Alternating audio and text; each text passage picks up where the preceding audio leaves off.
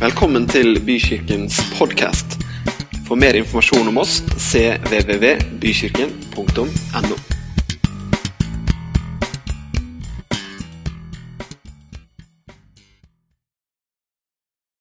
Vi feirer pinse. Kirkens bursdag. Der oppe hos Input så er de jo full gang med bursdagsfest. For å markere at Den hellige ånd kom og skulle fylle disiplene med styrke, og oss med styrke, Jesu etterfølgere. Guds nærvær i oss. Vår kilde til alt det vi trenger av ledelse, glede, fred og kjærlighet.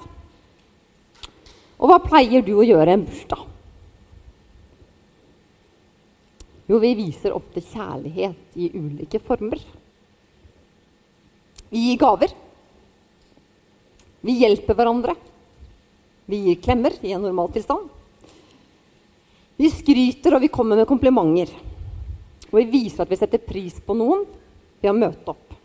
Og vi gleder oss sammen med bursdagsbarnet. Og generelt sett så er vi ganske glade og i godt humør. Og den som har bursdag, har kanskje Ved å invitere oss, så er vi ansett for å være viktig i deres liv.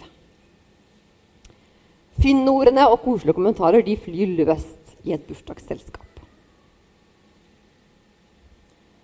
Og det jeg har tenkt på, det er at den oppførselen som vi har i bursdager, den rausheten vi viser i bursdager, det er ikke noe som er forbeholdt bursdagsfeiringer. For denne uken så er det kjærlighetens manifest som er tema i 100 dager med Jesus. Etter at Jesus har vasket føttene til disiplene i deres siste måltid sammen før korsfestelsen, så har han mange viktige ord og budskap til vennene sine. Vi skal lese et lite utdrag i Johannes 15 som viser kjærlighetens manifest, i vers 7-12. Hvis dere blir i meg, og mine ord blir i dere, be da om hva dere vil, og dere skal få det. For ved dette blir min far æret, at dere bærer mye frukt og blir mine disipler. Som far har elsket meg, har jeg elsket dere. Bli i min kjærlighet. Hvis dere holder mine bud, blir dere i min kjærlighet, slik jeg har holdt min fars bud og blir i hans kjærlighet. Dette har jeg sagt dere for at min glede kan være i dere, og deres glede kan bli fullkommen. Og dette er mitt bud. Dere skal elske hverandre som jeg har elsket dere. Det der er ganske innholdsrike vers. Vi skal motta. Motta kjærlighet. Vi skal følge en ordre eller oppfordring med å bli. Vi får. Vi blir fylt. Og vi blir formanet til å handle. Grunnpilaren i det hele, det er at vi er elsket uendelig høyt. Som vi sang her i en av de siste sangene. Vi er oppreist med Kristus til et verdig evig liv. Og vi er så heldige at vi kan motta Guds betingelsesløse kjærlighet. Vi mottar en kjærlighet. Og så sier Jesus 'bli i min kjærlighet'. Det er en litt mild ordre. Kanskje kan vi kalle det oppfordring. Men om vi følger den ordren, så og blir, så kjennes det bra. Og Konsekvensen av det er at vi får noe, vi får lov til å bære frukt. Og så blir vi fylt med et resultat av glede. Og til slutt så handler vi ved å elske hverandre.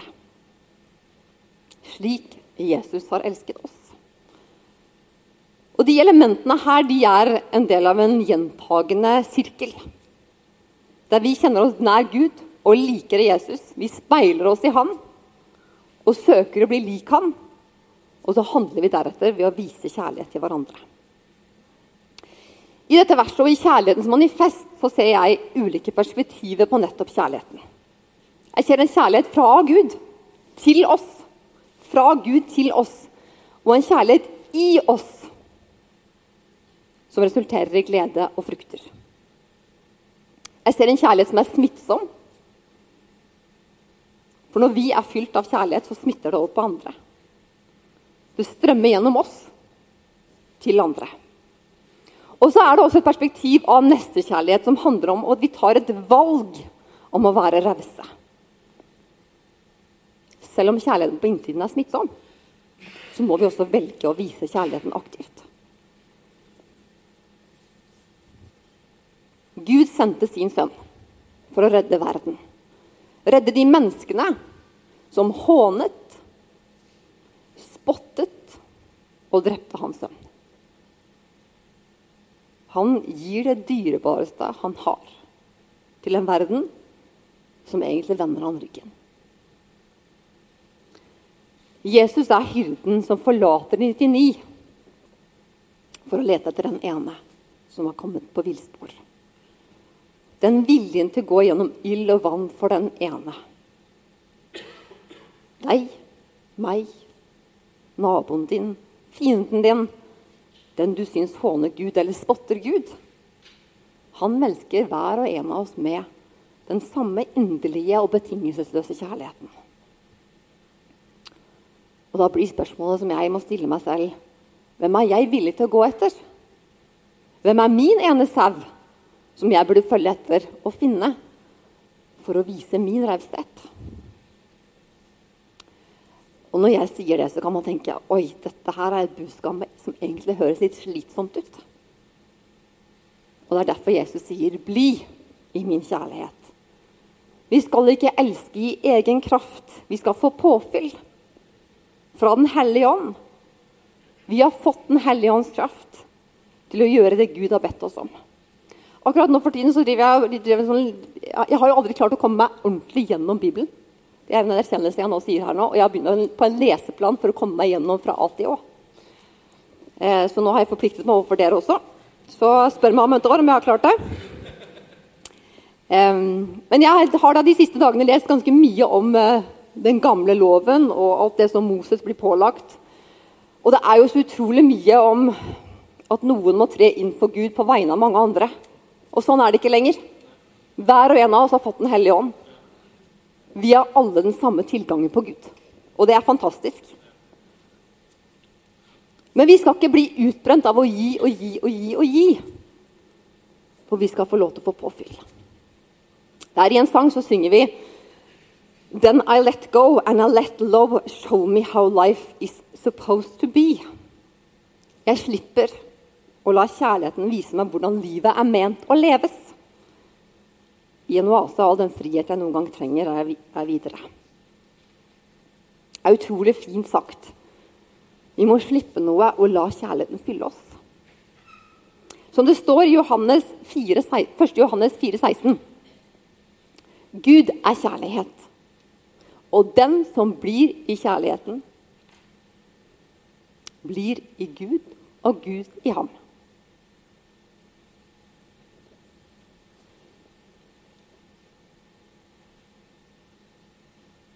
Vi må ta oss tid til å hente. Vi må ta oss tid til å motta den kjærligheten Gud har for oss, og bli den. Og komme tilbake igjen og igjen. Har, eh, vi har en venninne som gjennom pandemien har lest eh, en del bibeltekster eh, og lagt inn på YouTube eh, med sin nordnorske dialekt. Og På fredag så la hun ut en reprise av 1. Korinterne 13. Eh, en av de første tekstene hun leste. Og Det var jo fint for meg da når jeg satt og jobbet med med en, en, tale om kjærligheten. Så Jeg har bare tenkt å ta et lite utdrag av den. Jeg skal ikke lese på nordnorsk. Det tror jeg blir særdeles eh, ikke så pent å høre på. Så jeg tar den på, på mitt, min dialekt. Kjærligheten er tålmodig. Kjærligheten er velvillig. Den misunner ikke, skryter ikke, er ikke hovmodig. Kjærligheten krenker ikke søker ikke sitt eget og er ikke oppfarende og gjemmer ikke på det onde. Den gleder seg ikke over urett, men har sin glede i sannheten. Kjærligheten utholder alt, tror alt, håper alt, tåler alt. Kjærligheten tar aldri slutt. Da Jesus sier 'bli i min kjærlighet', så er det en erkjennelse av at vi ikke klarer å etterleve det der i egen kraft. Da jeg i går skulle gå og skrive ferdig talen min, så endte jeg opp med å måtte vaske hele kjøkkenet mitt. Skapdører og gulv, tømme skuffer, ta vekk mattene inni skuffene for å løfte opp. Et lite glass juice hadde skapt ganske mye ugagn. Det blir mye kliss av juice. Jeg skal erkjenne at jeg ikke bar så mange gode frukter noen minutter der mens jeg sto og vasket. Og det på pinsemorgen, og man er pinsevenn. Det tar seg ikke bra ut. Jeg sendte en snap til noen venninner med den erkjennelsen. Jeg er pinsevenn og kjenner ikke åndens frukter akkurat nå, på selve pinsemorgen. Men som hun ene svarte til meg, hun er ikke pinsevenn, men det er digg med rent kjøkken etterpå, da. Og det er jo noe med hva man retter blikket på. Men Gud ber oss ikke gå i egen kraft. Han ber oss bli for å få konstant påfyll. Og det påfyllet får vi gjennom Den hellige ånd, som kom på pinsedagen. Og vi må hvile i Guds hender for å kjenne den kjærligheten. Men hvordan ser det ut for deg å bli i Guds kjærlighet? Jeg så et lite øyeblikk for meg onkel Skrue som bader i penger. Han har jo enorm kjærlighet for disse pengene sine, eh, og poenget er selvfølgelig ikke det. Men, men eh, det faktum at han svømmer og kaster opp og stuper uti og er liksom helt i ett med disse pengene, det gir et bilde for meg.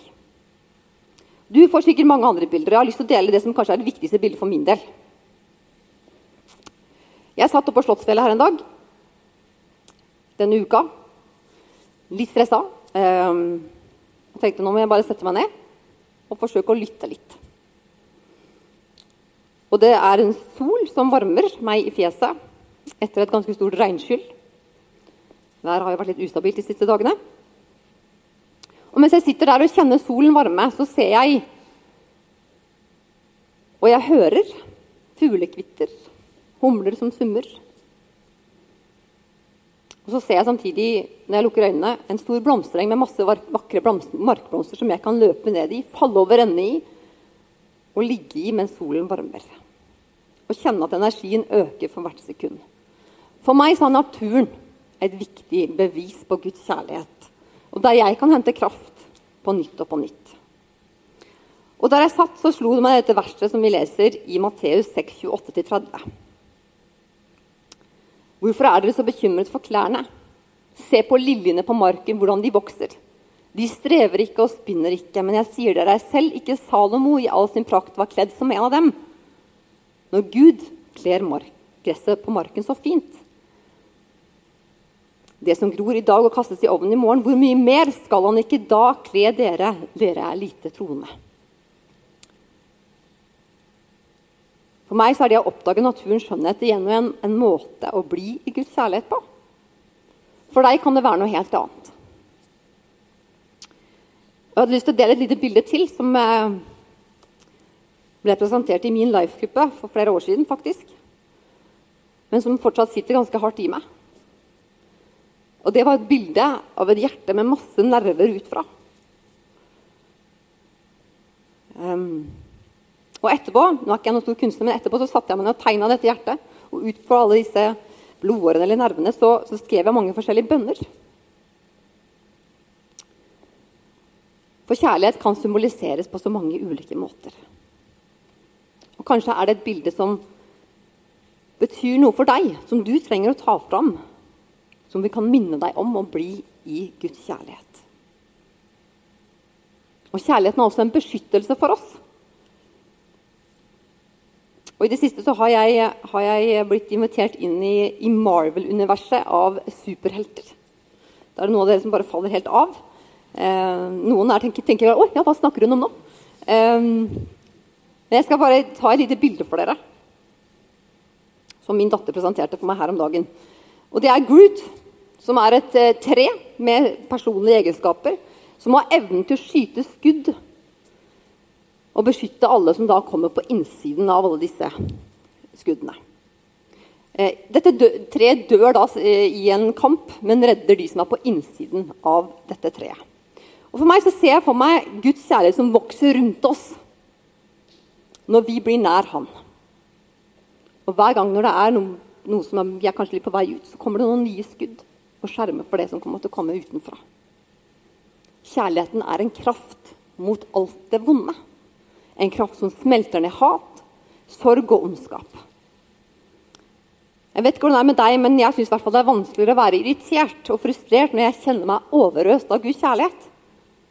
Og det er kanskje derfor Jesus sier så tydelig Bli i min kjærlighet. Vær oppreist med meg, og elsk din nabo. I den rekkefølgen. Jeg satt her og hørte på lovsangsøvelsen, og um, så var det en av de som sa vi må ikke rushe. Og Da slo det meg at nei, vi må ikke rushe det her heller. Vi må huske på disse tre tingene. For de henger sammen. Start med å bli i Guds kjærlighet. Vær oppreist med Han og elsk din nabo. Og så er det sånn at Ting blir ikke alltid som vi drømmer om. Vi møter skuffelser, og vi opplever at forventningene ikke blir sånn som vi hadde tenkt. Hva innebærer det da å bli i min kjærlighet?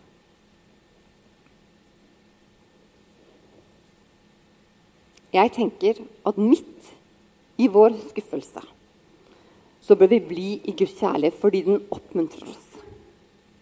Midt i svik så bør vi bli i Guds kjærlighet fordi den helbreder. Og midt i smerte så må vi bli i Guds kjærlighet fordi den gir overskudd til å bære. Midt i frykt så må vi bli i Guds kjærlighet fordi den kjærligheten overvinner alt. Og midt i angst må vi bli i Guds kjærlighet fordi Guds kjærlighet får deg til å rette blikket mot Gud. Og midt i vår svakhet må vi bli i Guds kjærlighet, fordi den gjør oss sterk. Den lengste perioden som jeg og David har vært eh, min mann, eh, har vært fra hverandre, da, da, var jeg på et studieopphold i Mali. Og Der fungerte ikke mobiltelefonen min. Eh, og nettilgangen var ganske laber. Det hendte ganske ofte at når vi hadde skrevet en hel lang e-post masse informasjon om hva som hadde skjedd, så, så gikk strømmen. Og da visste vi ikke når den kom tilbake. Men det var en gammel telefon som sto ute på terrassen med et fint lag av eh, sand. Det var jo langt inn i Mali, og der var det, det var Sahara. Um, og denne telefonen den kunne David ringe til. Noen ganger så kom han et helt annet sted. Det var jo alltid fascinerende å få høre om det etter, ettertid. De skjønte ikke hvem han prøvde å snakke og få, få kontakt med. Um, men så noen ganger så kom han da fram. Det ble aldri de der lange samtalene, for dekningen var ikke sånn supergod. Um, men den lengselen etter å høre stemmen hans, og den frykten for å gå glipp av ting ved å være borte fra ham, hva jeg ikke fikk oppdaget nytt med personen jeg hadde valgt å dele livet med, det var en inderlighet og lengsel. Som man kanskje bare oppdager når man er borte fra hverandre. Og som kanskje det er lett å ta for gitt i dagliglivet. Og det er trolig sånn med Guds kjærlighet også. Vi trenger å ha en lengsel etter å oppdage nye sider og motta mer. Og få bedre innsikt. Kjenne omsorgen i kjærligheten på nye måter. Og vi trenger å være litt redd for å gå glipp av noe. Og så tror jeg at ikke minst så handler det også om å kunne fortelle tilbake at vi elsker ham. I 5. Mosebok så står det om hvordan vi skal gjenta igjen og igjen gjennom alt vi gjør, at vi elsker Gud. Og jeg leser verset. Du skal elske Herren din Gud av hele ditt hjerte og av hele din sjel og av all din makt. Disse ordene pålegger jeg deg i dag, så du skal, du skal bevare dem i ditt hjerte. Du skal gjenta dem for dine barn og snakke om dem når du sitter i ditt hus, og når du går på veien, når du legger deg, og når du står opp. Den gjentagende handlingen av å være overgitt og vise vår kjærlighet er også en del av det å bli i Guds kjærlighet. Og hva er så resultatet av å bli i Guds kjærlighet? Jo, det er glede. Og ikke bare en vanlig glede, men fullkommen glede. Ikke jeg smileglede, men jeg kan ikke slutte å smile glede. Jeg må hoppe opp og ned-glede. Den sitrende, boblende følelsen. Anette sendte meg et bibelvers her om dagen. Gled dere alltid i Herren. Igjen vil jeg si, gled dere. La alle mennesker få merke at dere er vennlige. Herren er nær. Vær ikke bekymret for noe, men legg alt dere har på hjertet framfor Gud. Be og kall på ham med takk. Og Guds fred, som overgår all forstand, skal bevare deres hjerter og tanker i Kristus Jesus. Det bibelverset der er fylt av veldig mange ledd eh, som kan ha en egen preken, og det skal jeg ikke begynne på. Um, men hele greia er at det starter med 'gled dere'. Poenget er at når vi blir i Jesu kjærlighet, så gjør det oss glade. Men nettopp fordi vi også er elsket av Gud, så har vi grunn til å være glade midt i alt som er tøft og krevende. Å være i Guds kjærlighet det gjør deg også smittsom. Andre mennesker kan kjenne det du har. Din glede gjør andre glad. Din kjærlighet gir andre oppmuntring og endrer følelsen av mislykkethet. Jeg vet ikke om det er mange som savner å gi noen en klem i disse dager.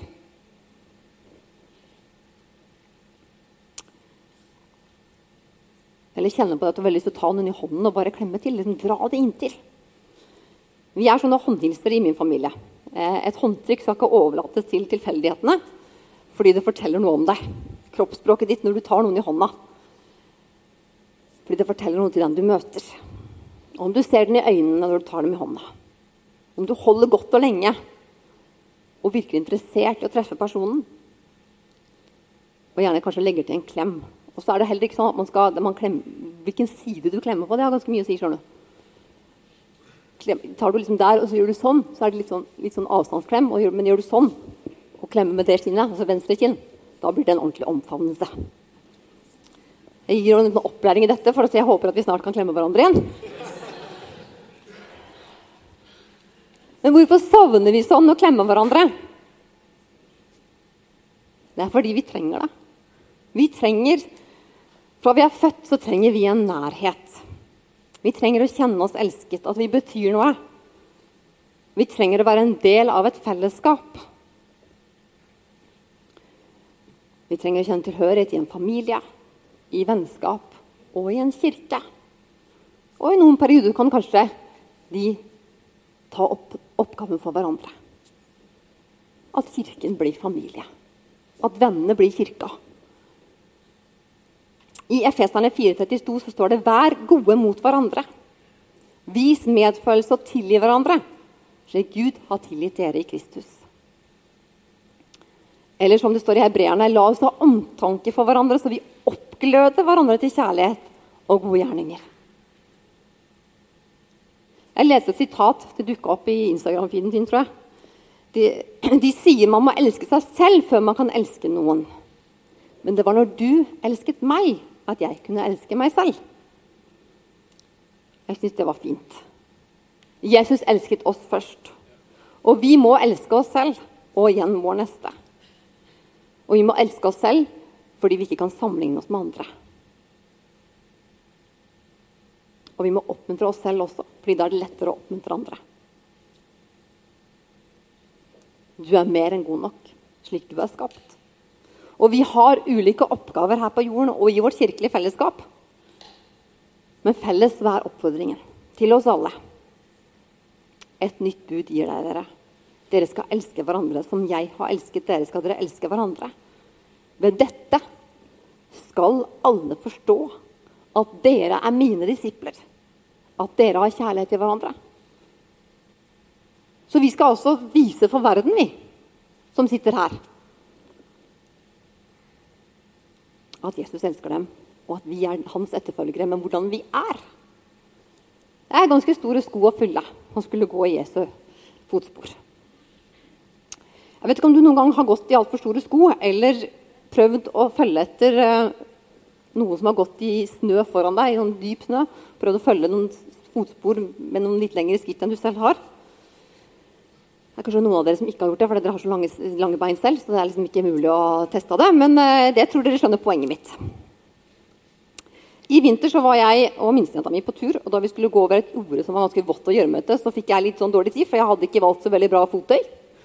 Hun hadde gummistøvler, men det hadde ikke jeg, så jeg ble litt sånn, nå bare løper jeg litt sånn forsiktig her og der.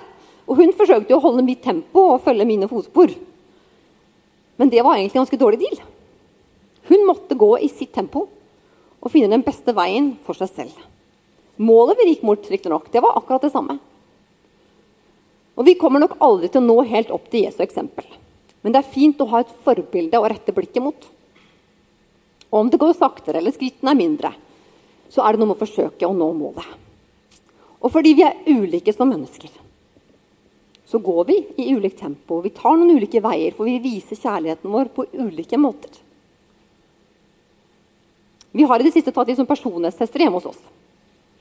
Og det som er spennende, er jo å oppdage hvordan vi er skrudd sammen forskjellig og hvordan vi oppfører oss ulikt. Og Vi kan jo få en større forståelse at å, ja, det er derfor du gjør sånn.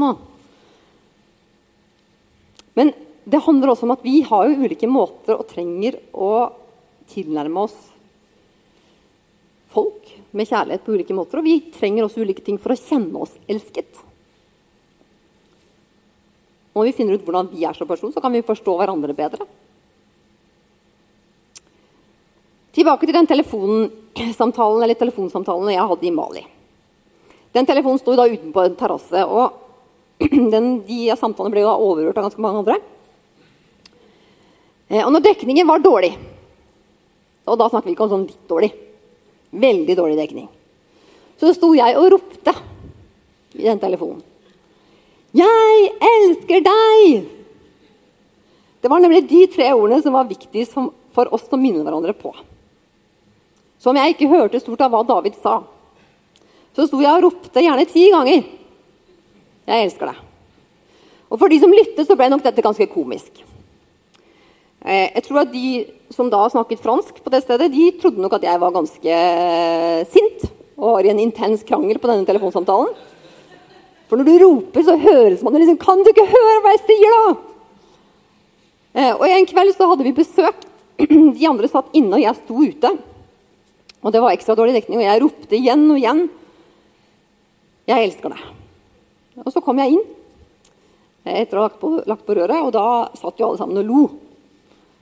For de syntes dette var så komisk. Noen av de forsto jo ikke hva jeg hadde sagt, men de hadde jo da blitt fortalt av de andre at hun står der og roper at hun elsker kjæresten sin eller mannen sin.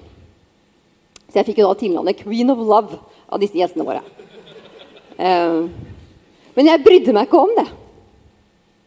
Fordi det viktigste for meg var å fortelle David, som var langt unna der jeg var, at jeg elsket ham.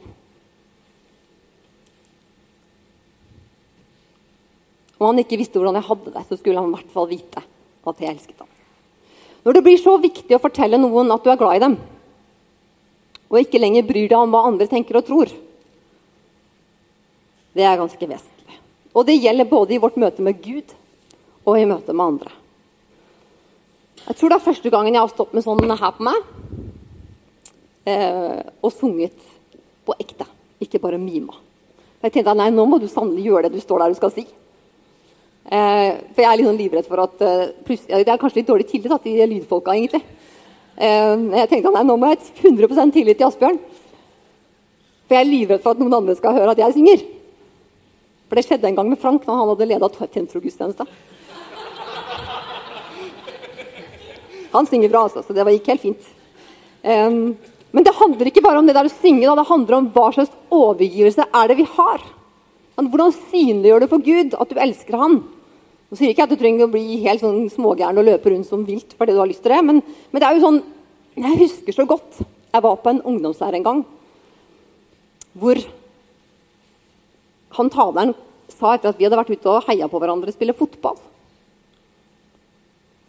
Så sa han Tenk om vi kunne vise den gleden og den enorme engasjementet som er, var der ute på fotballbanen når vi står her inne og skal prise Gud. Nå er ikke jeg så glad i fotball, så det er sånn sett ikke så viktig å sammenligne med akkurat det. Men det er noe med den der, hva er det vi egentlig viser? Og så er det også i møte med hverandre. Vi kan så ofte tenke Og vi tenker ofte for mye, kanskje poenget mitt. Nei, Det blir litt klengete hvis jeg sender en blomst nå, eller baker en kake. eller Jeg kan ikke gi det komplimentet der. Det blir litt teit. Kjenner ikke hun eller han så godt. Eller det blir litt nidig hvis jeg sier at jeg er glad i deg. Hvis ikke det liksom er den der veldig nære kontakten. Så da blir det kanskje lettere å velge å vise en form for dempet kjærlighet. Vi har ulikt kjærlighetsspråk, men vi kan nok trene oss på å bruke språket vårt mer, og kanskje også trene på de andre språkene som ikke vi er så gode på. Si ting med rene ord. Og det er bare Gud som ser hjertefullt og helt de menneskene vi møter. Og det å være kjærlig i vår fremtoning kan utgjøre en ganske stor forskjell for de menneskene vi møter. Det er et ganske kjent sitat som jeg har lyst til å dele. Og som mange av dere kjenner til, men jeg tror det er viktig å minne oss på det. Everyone you meet is fighting a battle you know nothing about. Be kind. Always. Alle du møter, står i en kamp som du ikke vet noen ting om. Vær snill. Alltid. Punktum. Det hjelper å be om hjelp til å se andre med Guds øyne. For en sånn høy på pæreholdning som du kan bli litt irritert av, det kan være noe ganske annet enn hva du tror. Det kan være noen som beskytter seg, men uansett hva som er årsaken, elsk dem. Vis dem kjærlighet. Det er kanskje også en grunn til å bli i Guds kjærlighet. At vi skal kunne se mer av Guds hjerteslag. Noen ganger så er det faktisk sånn at vi mennesker er kalde og avvisende når vi mest trenger en klem. Vi har et bilde hjemme på veggen vår med tittelen 'Den barmhjertige samaritan', som er inspirert av kunstnerens egen barndomsopplevelse av bibelhistorien som ble presentert i en sandkasse hos Frelsesarmeen i Oslo. Og den Historien om den barmhjertige samaritan det er et sterkt vitnesbyrd om uselvisk og ubetinget kjærlighet. Vi snakker om en som ikke bruker unnskyldning eller krever noe tilbake når han viser kjærlighet i praksis. Hva gjør det med et menneske som blir, har ligget i grøfta, forbigått av flere andre, men så plutselig så blir man hjulpet langt mer enn nødvendig og mer enn forventet? Og hva gjør det med oss når vi møter noen med en kjærlighet langt utover vår forventning? Og Ofte så tenker vi kanskje på oss selv som den barmhjertige samaritanen, den som støtter og den som hjelper. Men her en kveld så sier David til meg hvem er din barmhjertige samaritan? Hvem er den på da? Hvis du er den som skal bæres, hvem er da den som løfter deg? Og da mente han utover Jesus, da selvfølgelig. Jeg tenker liksom, Hvem i livet ditt ville du da skulle bære deg? Noen ganger så er vi støtte for noen, og andre ganger så trenger vi støtte selv. Og det der er en oppadgående spiral. Gir du kjærlighet, så får du kjærlighet. Og deres kjærlighet smelter ned hat og vonde følelser. Det Jesus krever av oss, er at vi tar imot hans kjærlighet, blir i den, blir glade og sprer den videre gjennom å elske vår nabo, hvem det måtte være. Lovsangen kan få lov til å komme opp. Tenk om alle du møtte en dag, hadde jubileum, og du skulle holde en kort tale. Hva ville du sagt i en sånn tale på, en, på et jubileum? Og da er min oppfatning til deg si det i dag isteden. Ikke vent til det jubileet kommer. Si det nå. Oppfordringen i denne boka 100 dager med Jesus denne uka, det er å la dette bli en bønneuke for medmenneskelighet, kjærlighet i hverdagen og søskenkjærlighet i menigheten. Og Hvis du lukker øynene dine og tenker hvordan du kunne ønske at vårt fellesskap var med tanke på å bli enda mer kjærlighetsfylt. Hva ville det vært? Og da har jeg lyst til å si det starter med deg og meg. Det starter med at vi gjør det vi kunne ønske. Men jeg er ikke så frimodig, tenker du da. Nei, det er ikke jeg heller. Men det starter med deg og meg likevel. Det er hva vi gjør som skaper forandring. Som bringer enda mer kjærlighet inn i fellesskapet vi har. Og så starter det ofte da med å si at man trenger å komme og bli i Guds kjærlighet. Jeg skal avslutte med ordene Johannes. 1. Johannes 4, 7-12. Gud er kjærlighet. Mine kjære, la oss elske hverandre. For kjærligheten er fra Gud. Og hver den som elsker, er født av Gud og kjenner Gud. Den som ikke elsker, har aldri kjent Gud, for Gud er kjærlighet. Og ved dette ble Guds kjærlighet åpenbart blant oss, og at Gud sendte sin enbårne sønn til verden for at vi skulle leve ved ham. Ja, dette er kjærligheten. Ikke at vi har elsket Gud, men at Han har elsket oss og sendt sin sønn til soning for våre synder. Mine kjære, har Gud elsket oss slik, da skylder også vi å elske hverandre. Ingen har noen gang sett Gud, men dersom vi elsker hverandre, blir Gud i oss, og hans kjærlighet er fullendt i oss. Kjærligheten overvinner alt. Punktum. Vi skal eh, få lov til å be sammen og lovsynge og prise Gud sammen. Og Har du lyst og trenger å bli bedt for, så kan du få lov å komme bort her. Vi skal ha på oss munnbind, så det er trygt. Um, og det kan være alt fra det ene til det andre. Kanskje trenger du å kjenne mer av Guds kjærlighet for å komme tettere på. Kanskje kjenner du at du må bli utfordra for å kunne gå et skritt lenger for å kunne vise den kjærligheten Gud har lagt i ditt hjerte. Uansett hva du kommer for. Kom med hele deg. Kjære Jesus. Din kjærlighet, den overgår all forstand. Må du la oss kjenne den, Herre, rikelig akkurat nå. Kom du med din Hellige Ånd, og la oss kjenne at din kraft, den overvinner alt. Din kraft den løser opp i alt som ligger i våre hjerter. Din kraft den tar alle byrder. Og din kraft den jevner ut veien foran oss. Så vi kan gå mot målet sammen med deg. Takk, Jesus, for at vi kan få lov å kjenne at du er vår beste venn. Og at du tar vare på oss gjennom alt. Amen.